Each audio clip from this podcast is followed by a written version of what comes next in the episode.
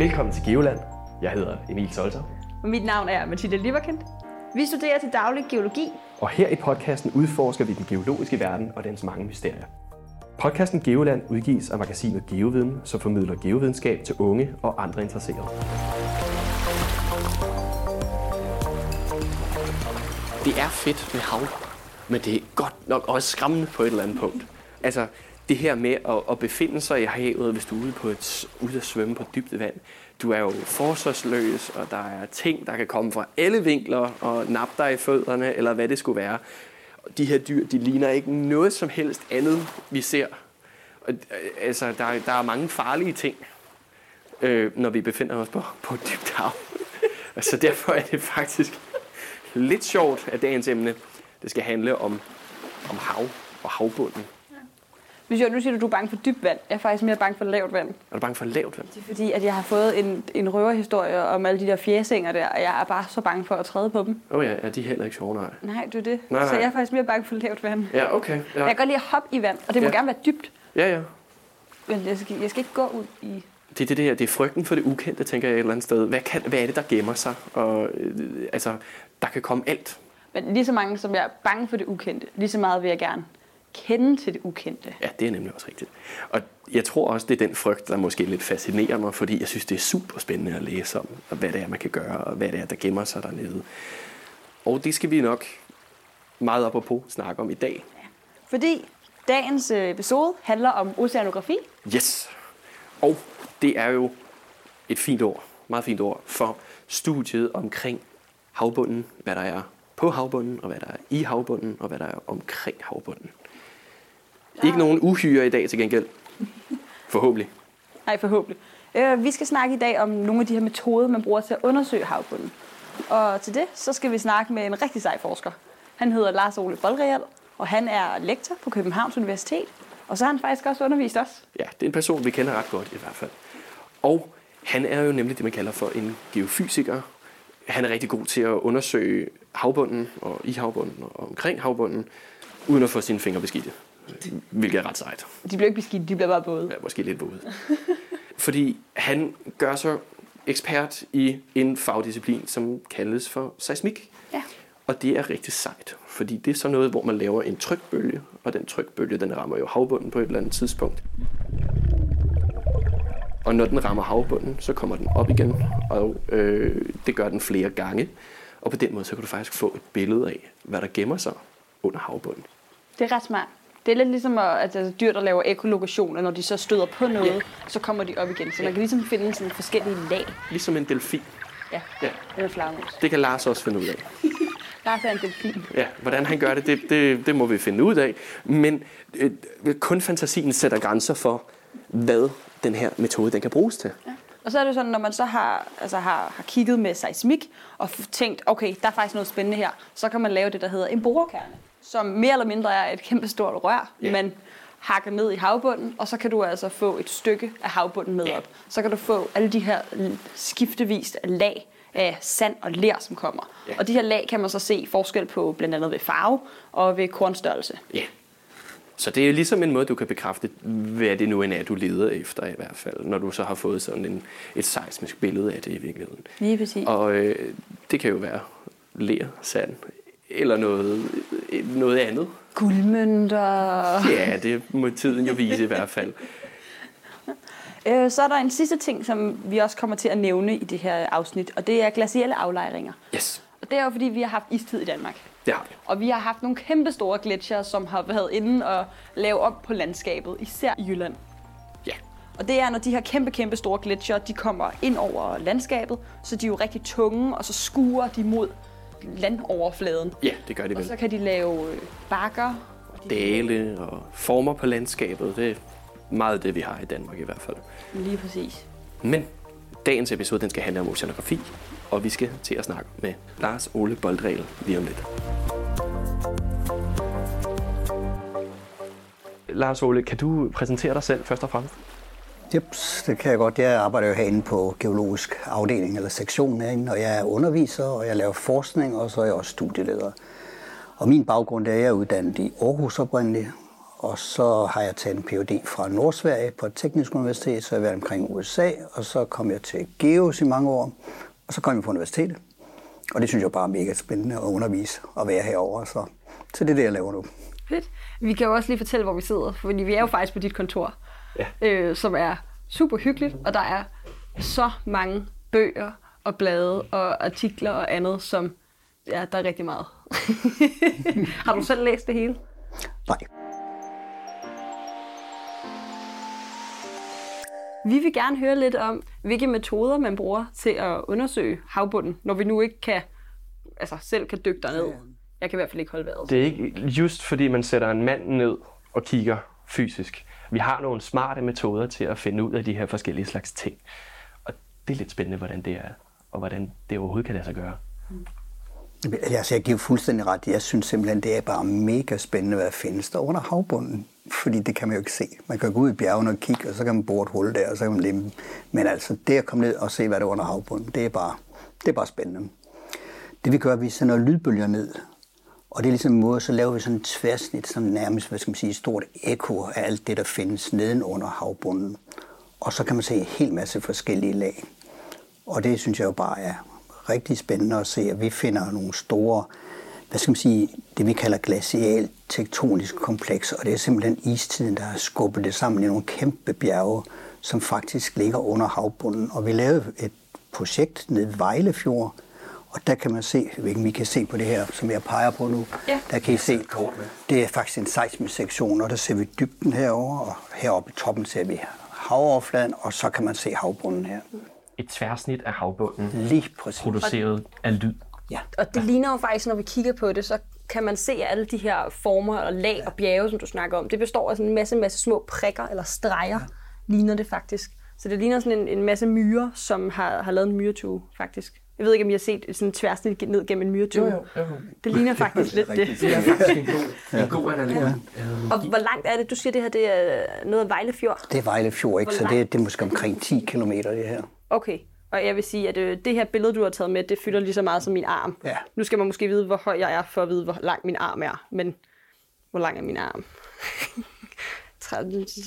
det må så være cirka en meter. Ja, en, en lille meter, det bliver til. Man kan sige, hvis man havde 10 km data og rulle det ud, øh, så kommer jeg overhovedet ikke se noget. Altså, derfor er vi nødt til at prøve at presse det sammen, så man ligesom kan have det på et bord eller på en computerskærm, så man kan se, hvad det er for noget. Så hvis du var en pirat, der havde begravet en skat, så kan vi faktisk snyde ved at se den, før vi overhovedet har gravet den op, tænker jeg. Det kan vi nemlig. så vi, kan vi, vi vil faktisk potentielt kunne finde skatte nede i et Vejlefjord. Det kunne man godt gøre. Med seismik. Ja, fordi det der er jo også spændende, det er, at vi kan både se geologi, og så kan vi også se arkeologi. Uh. Så vi kan faktisk også finde de der skibsfrag, som du godt kunne tænke dig på det lidt piratskat. Uh. Men det kan vi lige gemme lidt senere. Men, det tager vi senere. Men her kan vi se, på den her der kan vi bare se, det ligner jo fuldstændig alberne, hvis det er. At der bare er presset sammen her og løftet op og alt muligt. Ja, det ligner jo lidt, som man har lavet et... Ligesom i sandkassen, når man ja. laver nogle slotte, og så hvis du har puttet det i en kasse, og så puttet en masse altså andet materiale, altså f.eks. nyt sand. Så hvis du nu har lavet sådan en sandslot af vådt sand, og så putter du sukkersand ovenpå, fordi det er jo stadig forholdsvis jævnt, det vi kigger på. Det ligner jo stadigvæk, at det er sådan en lang, lige lag. Men så nedenunder kan vi se alle de her bjerge. Ja. Og det er jo det er helt ukendt, det vidste man ikke, da vi sejlede de første gange hernede. Så der er masser af nye ting, man kan finde ud af, selv i, i lavvandede danske områder. Den måde, vi gør det på, det er, at vi har et instrument, vi kalder en fisk, en fisk? ja, okay. og den er gul, og den vejer 80 kilo. Okay. okay. En stor fisk. Så det er en stor fisk, og man skal nok ikke fange den med en fiskestang, så går den i stykker. Men den har vi så, og den sender lydbølger ned. Så en lyd, og den kaldes en chip, og det er fordi, den siger sådan chip, chip, chip, ligesom sådan en fugl af kvider, mens man arbejder. Det er derfor, den har fået det der øgenavn, en chip. En meget, meget høj lyd, vel? Ja. Jeg tænker, at det lød mere som sådan en pisk. Ja. Ja, det kunne det måske godt være. Det. Ja. Men det er meget sjovere, at en fisk siger som en fugl. Ja, ja. præcis. Ikke? Jeg tror også, det er derfor, man har tænkt det. Og så ovenover fisken, der har vi en GPS, og det er sådan en, der fortæller os, hvor er vi præcis hen med koordinaterne. Og så skal vi have noget strøm, det har vi også, og så har vi nogle computer, og så er vi sådan set klar til at sejle ud. Og når vi sejler ud, der vi vil hen, så sænker vi fisken ned under vandet. og så begynder den at sende lydbølger ud og modtager det, og så kommer billedet op på computerne. Og så går man så i gang som geolog og kigger på det her på en, en arbejdsstation og prøver at tolke det her og forstå det.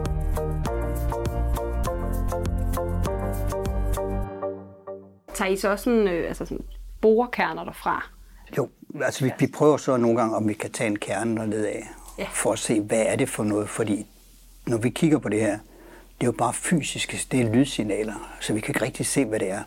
Så derfor skal man have en kerne og se, hvad er det for noget materiale egentlig, så vi kan koble de her to ting sammen. Så man kan ikke bruge seismikken til at se, hvad det er for nogle lag? Altså om det er sand eller ler eller grus? Man, jo, man kan se på nogle af mønstrene, hvad det er for noget, man kan bare ikke være helt sikker, Okay. Så det at tage en kerne er lige så meget for at være...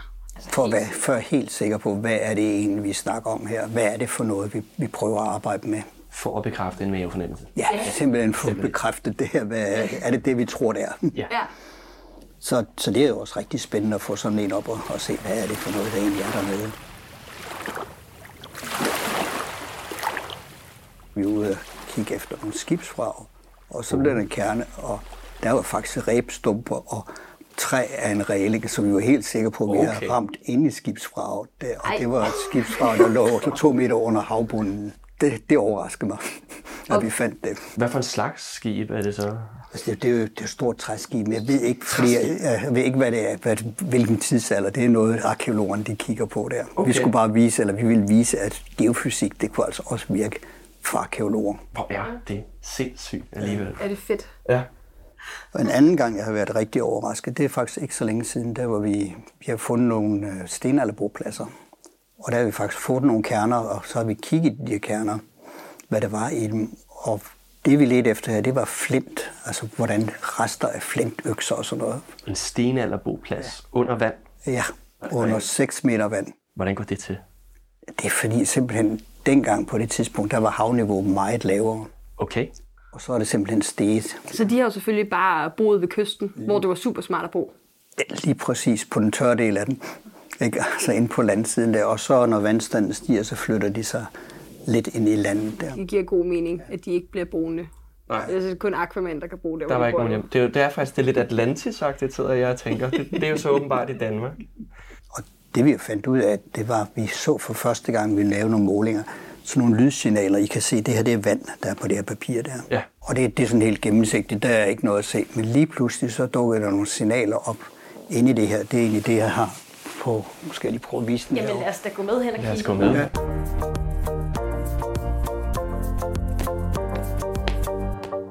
Går vi øh, tværs igennem det her lille kontor og går hen og kigger på computeren. Og der kan vi se på computerskærmen her, det her det er havoverfladen heroppe, og så havbunden hernede. Og der ligger sig en mystisk skygge. Ja, Ja. en stor sky, kan man nærmest sige. Vi kalder det en høstak, faktisk. Høstak. Høstak. Og, og det er jo det, der er helt mærkeligt, fordi vi har aldrig set sådan noget før. Jeg tror ikke, der er nogen, der egentlig har set det før. Og så lige pludselig begyndte vi at spekulere på, hvad kunne det her egentlig være? Og der lavede vi noget, hvor der var en stenalbordplads. Vi vidste, der var en i et andet land. Vi var nede i Israel og lavede noget. Og så tænkte vi, det kunne måske være, det var det. Og så vi lavede en hel masse kontrolforsøg, og så fandt vi ud af, at det kunne godt være, at det her det var sådan noget, hvor de havde siddet der og slået flint i stykker. Men vi manglede simpelthen beviset. Og så her i sommer, så fandt vi nogle boringer, og dem skyllede væk, og så fandt vi faktisk flint inde i det der. Altså sådan bearbejdet flint. Ja, simpelthen når de sidder og hakker der af de små ja. stykker der, så fandt vi fire små stykker, og det var bare yes, mand. Okay. Og der kom sådan en avisudklip her, og det tror jeg, det er meget rammende. Skal vi se, hvad der står på avisen. Det er som at finde en nål i en høstak. Lige præcis, så det passede rigtig godt. Så det var også egentlig om, at jeg blev rigtig overrasket over, hvad man fandt, eller rigtig glædelig overrasket over det, må jeg sige. Ej, fedt. Er der, altså, der er ikke mulighed for at, at dykke derned og finde noget, vel? Nej, fordi det, det ligger under ned en havbund, og det er derfor, man skal bruge den her seismik, altså lydbølger. Ja. Fordi så kan vi se, hvad ligger der under ned en havbund. For hvis det lå oven på havbunden, så kunne man jo bare dykke ned, ja, eller tage et billede af det, så, og så havde man jo fundet det. Men, øh, så det var jo sådan en af de rigtig spændende opgaver, vi har haft, og hvor jeg blev rigtig overrasket, da vi fandt det.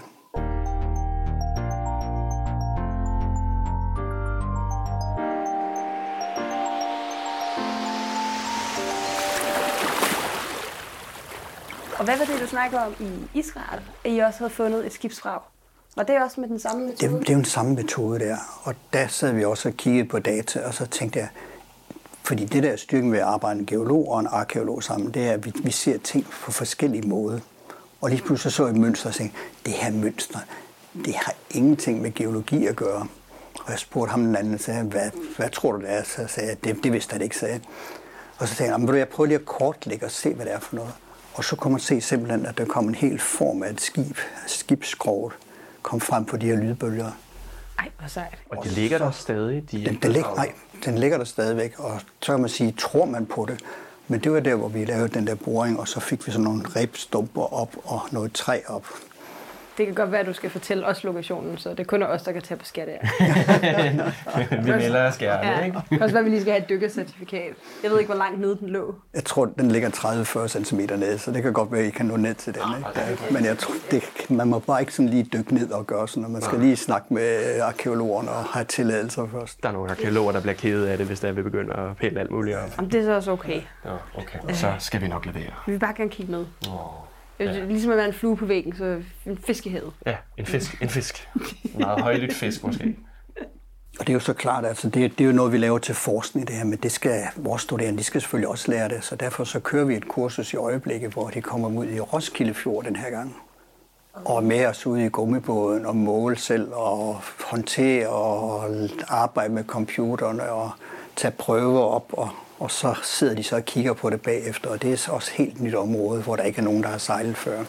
Så det er jo rigtig spændende at undervise noget. Og det var netop fordi, det var det her lavvandet, hvor store skibe kunne komme ind. Ej, hvor mega fedt at være med på. Hvad tror, du, hvad tror du, der er ude i Roskilde Fjord? Er det igen øh, glaciale aflejringer, eller? Altså vi kan se, der er glacialaflejringer, det vil sige sådan noget kanaler fra istiden. Dengang isen strømmede væk, og den begyndte at smelte væk, så kommer der en masse vand ud der. Og det vand, det kan vi ligesom se, man kan se de der kanalstrukturer, så det der vand, det er bare løbet derudad. Og de er, nogle af dem er ret store, altså de er op mod 40-50 meter brede, og måske 10 meter dybe, så det er altså pænt stort, når man, ved, når man bor i Danmark i hvert fald. Hvad bruger man ellers sådan, det her seismik til, når man skal ned og kigge på jordbunden? Hvad, hvad leder I som regel efter? Nu har jeg jo selvfølgelig fundet skibsfrag og stenalderboliger, sådan lidt ved tilfælde. Hvad, hvad kan man bruge det til? Altså man, man bruger det i rigtig høj grad til også at finde råstoffer. Altså hvis man skal finde sand til at bygge broer, så er det rigtig vigtigt, at det er den rigtige type sand, man får fat i. Og det kan man undersøge ved hjælp af seismik også. Hvor ligger det henne, det sand, man så kan bruge? Og så går man ned og graver sandet op. Og så... Ja, ja, så bliver det sådan nogle sandpumper, der kommer ud, og så, så suger de sand op, og, og så finder ud af, hvad er kvaliteten. Så. Det er så interessant, at man kan få så meget information i virkeligheden, uden man overhovedet har sat det første spadestik. Du er ikke engang sat et spadestik, fordi du er under jorden. Ja, Eller under havet. under havet. pumpe. Ja.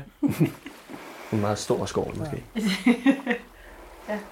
Man kan selvfølgelig også opsk- altså man kan lave, hvis man laver til dybere ned i jorden, end, end vi gør her, ikke? så kan man jo bruge det til også at finde steder til CO2, altså oplæring. Og det, det er jo rigtig vigtigt, at man ligesom kan finde nogle steder, man kan pumpe CO2 ned for at begrænse klimaeffekten.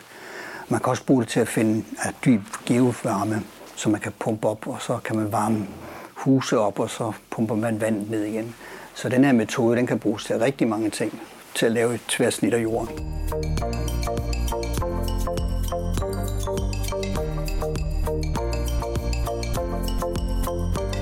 Okay, så skal jeg lige spørge, hvad vil du tro var lettest at undersøge? Rummet eller havet? Jeg synes absolut havet. Og jeg synes, det er mest interessant. Ja, okay.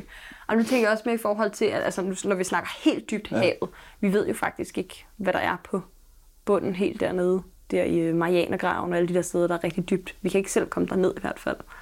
Men du kan godt uh, bruge seismik faktisk til også at undersøge, hvordan ser havbunden ud dernede. Ik- ikke det instrument, vi har, det kan ikke gå så dybt, men man kan faktisk lave det. Og se, hvad ligger der nede. Og så kan man lave, altså man kan ligesom prøve at kigge også ned under havbunden dernede. Men det kræver, en, det kræver et stort skib, og det kræver noget specielt grej, hvis man skal så dybt ned, ikke? fordi man skal have sikker på, at lydbølgen kan komme helt ned. Ja. Ja, hvem ved? Det kan være, der gemmer sig flere skibe rundt omkring, som vi ikke har fundet endnu med den her nye spændende metode. Altså, hvordan blev du så fascineret af havbunden? Det er jo svært at blive fascineret af noget, man ikke kan se. Så og jeg, jeg synes, at hvis man kigger på et landkort, ikke, så er der så meget vand. Ikke? Og jeg synes, alt det, der sker under neden jorden, er jo bare mega spændende. Og når man så kommer ud på vand, så altså, jeg synes, det er fascinerende, fordi så kommer man jo se en hel masse ting under havbunden, som man overhovedet ikke havde en idé om fandtes. Og alle de store processer, hvor jordskorpen begynder at gå fra hinanden, det sker under neden. Bangerne sker under vand. Og den kan man jo ikke sådan lige se. Og der ligger sedimenterne sig ind og alt muligt. Så, øhm, og så synes jeg, at jeg kan godt lide at sejle. Og så kan jeg også godt lide, at hvis instrumenterne, så virker de, eller også virker de ikke, så man skal ikke gå og slæbe kabler. og teknisk set, processeringsmæssigt, så er det meget simplere at også processere på vand end på land. Men det kræver, at man har et skib og nogle folk, der kan lide at sejle også. Det kan jeg godt forestille mig. Vil man kunne bruge seismik på andre planeter? Nu ved jeg godt, nu går vi lige væk fra havbunden, men hvis, der nu er, er, hvis vi nu finder vand og have andre steder, for eksempel på, på Mars, er de jo op for at se, om de kan finde ja, liv det, og vand. Det, det kan du godt gøre. Altså, det, det tror jeg sagt. Altså, man har også lavet georater på Mars. Der er jo en specialstuderende, der sidder og kigger på data herhen fra Mars. Og det er jo, altså, hvis man laver seismik, så bliver det lidt mere kompliceret, fordi man skal have nogle kilder og nogle modtager, og georateren, den kan så nærmest selv køre og så transmittere data. Men i princip kunne du godt gøre det. Så georadaren, det er øh, den der maskine, der ligner en kæmpe stor øh, græslåsmaskine, ja. som så ligesom automatisk sender ned. Og fordi de gange, vi har været ude på felttur, Emil og jeg, Ja. der har vi jo skulle sætte sådan nogle, det der hedder geofoner ud, som er sådan nogle små, hvad ligner det? En lille håndvægt. Ja, Det er sådan små mikrofoner, ikke? ja. Men som hvor sidder de på har et spyd, og så sætter den ned, ikke? Og så sætter man ned. Så er der en masse ledninger imellem dem. Og så har man sådan en metalplade, som ser ret brugt ud. Fordi det, du skal med den her metalplade, det er, at du skal bare have en kæmpe hammer. Smadrer den ned i den metalpladen, så den laver et højlydt brag. Og det højlytte brag, det forplanter sig ned igennem jordbunden. Og når det rammer et lag, så kommer det op igen. Og når det rammer et nyt lag, så kommer det også op igen. Og så kan vi få en meget fin profil af, hvordan øh, undergrunden den ser ud. Meget det- high-tech. Meget high ting. Og der kan man jo sige, altså den type af seismik, den er forskellig fra det, vi laver her. Fordi vi får et tværsnit af, hvordan alle lagene ligger dernede, og den der I snakker om, den, den får man bare de store flader dernede. Den seismik, vi har lavet, det er, at vi ligesom får lagskifterne Ja, med. og, og ser, okay, det er den hastighed, det her, det er den, der har på det, vi laver her, der ser man jo alle de geologiske strukturer inde i lagene. Ja, så, så jeg også kalder det fiskemetoden igen. Ja, Den er det, jeg meget- synes, det er meget godt at kalde fiskemetoden, så ved man, hvad det er. Så fiskemetoden, den er mere sådan, altså detaljerig. Ja, så man ligesom kan oversætte det, man ser til, egentlig, hvis man går ud på, på jordens overflade og kigger på bjerg. Så- Sådan ser det ud ovenover, og sådan ser det ud nedenunder. Vi lavede faktisk noget på Fur, det kom jeg i tanke om, hvor man ved Fækkeklit, der kan man se de her store istidsfoldninger. Og så kommer stranden, og så kan man jo ikke se, hvordan de fortsætter. Og så lavede vi faktisk den der fiskemetode, som du kalder det, ud for. Og så kunne vi faktisk se, hvordan lagen de fortsatte ned under ned i jorden. Så vi ligesom fik sat de to niveauer sammen. Og altså fur er jo kendt for at have nogle vilde lag. Og det er jo bare vildt flot, ikke? Altså, det er bare helt... Så flot et sted. Altså, det er jo en masse krøller og det, som hedder antisynkliner ja. og synkliner, som er A-formede og U-formede strukturer af lag. Det er så flot. Og som bare er skabt af isen, så kan man se, hvor stor tryk isen faktisk har haft. Og det er bare mega flot, ikke?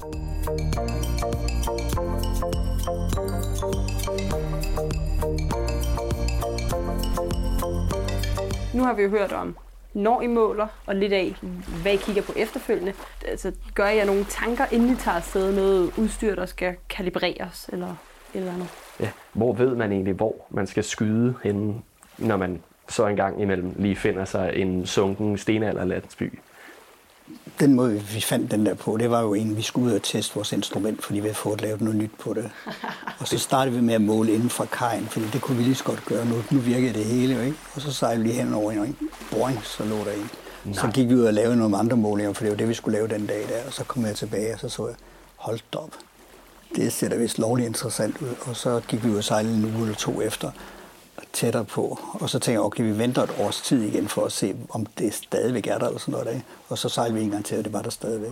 Så I fandt den faktisk for sådan over et år siden? tilfælde. Det er rent Ja. tilfælde. Fuldstændig. Så, men altså, hvis vi går ud, hvis det er forkastninger, så har vi samtidig en, en, en idé om, hvor går de måske hen, og så prøver vi at finde dem. Ellers så kan du ikke vide det, fordi du kan ikke se, hvad der er. Nej. Og der er så mange steder, der ikke er blevet undersøgt endnu. Så måske finder du en landsby eller et sunkent skib. Hvad ved? En piratskat.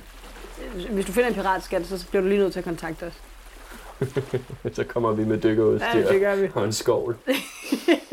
Jeg tror også, at vores tid er ved at være brugt op for dagens episode, og det er lige ved, at vi er på vej ud til søs og prøve at se, hvad der gemmer sig under. Tak for at tage os med på ikke dybt, men øh, halvdybt. Lavt vand. halvdybt vand.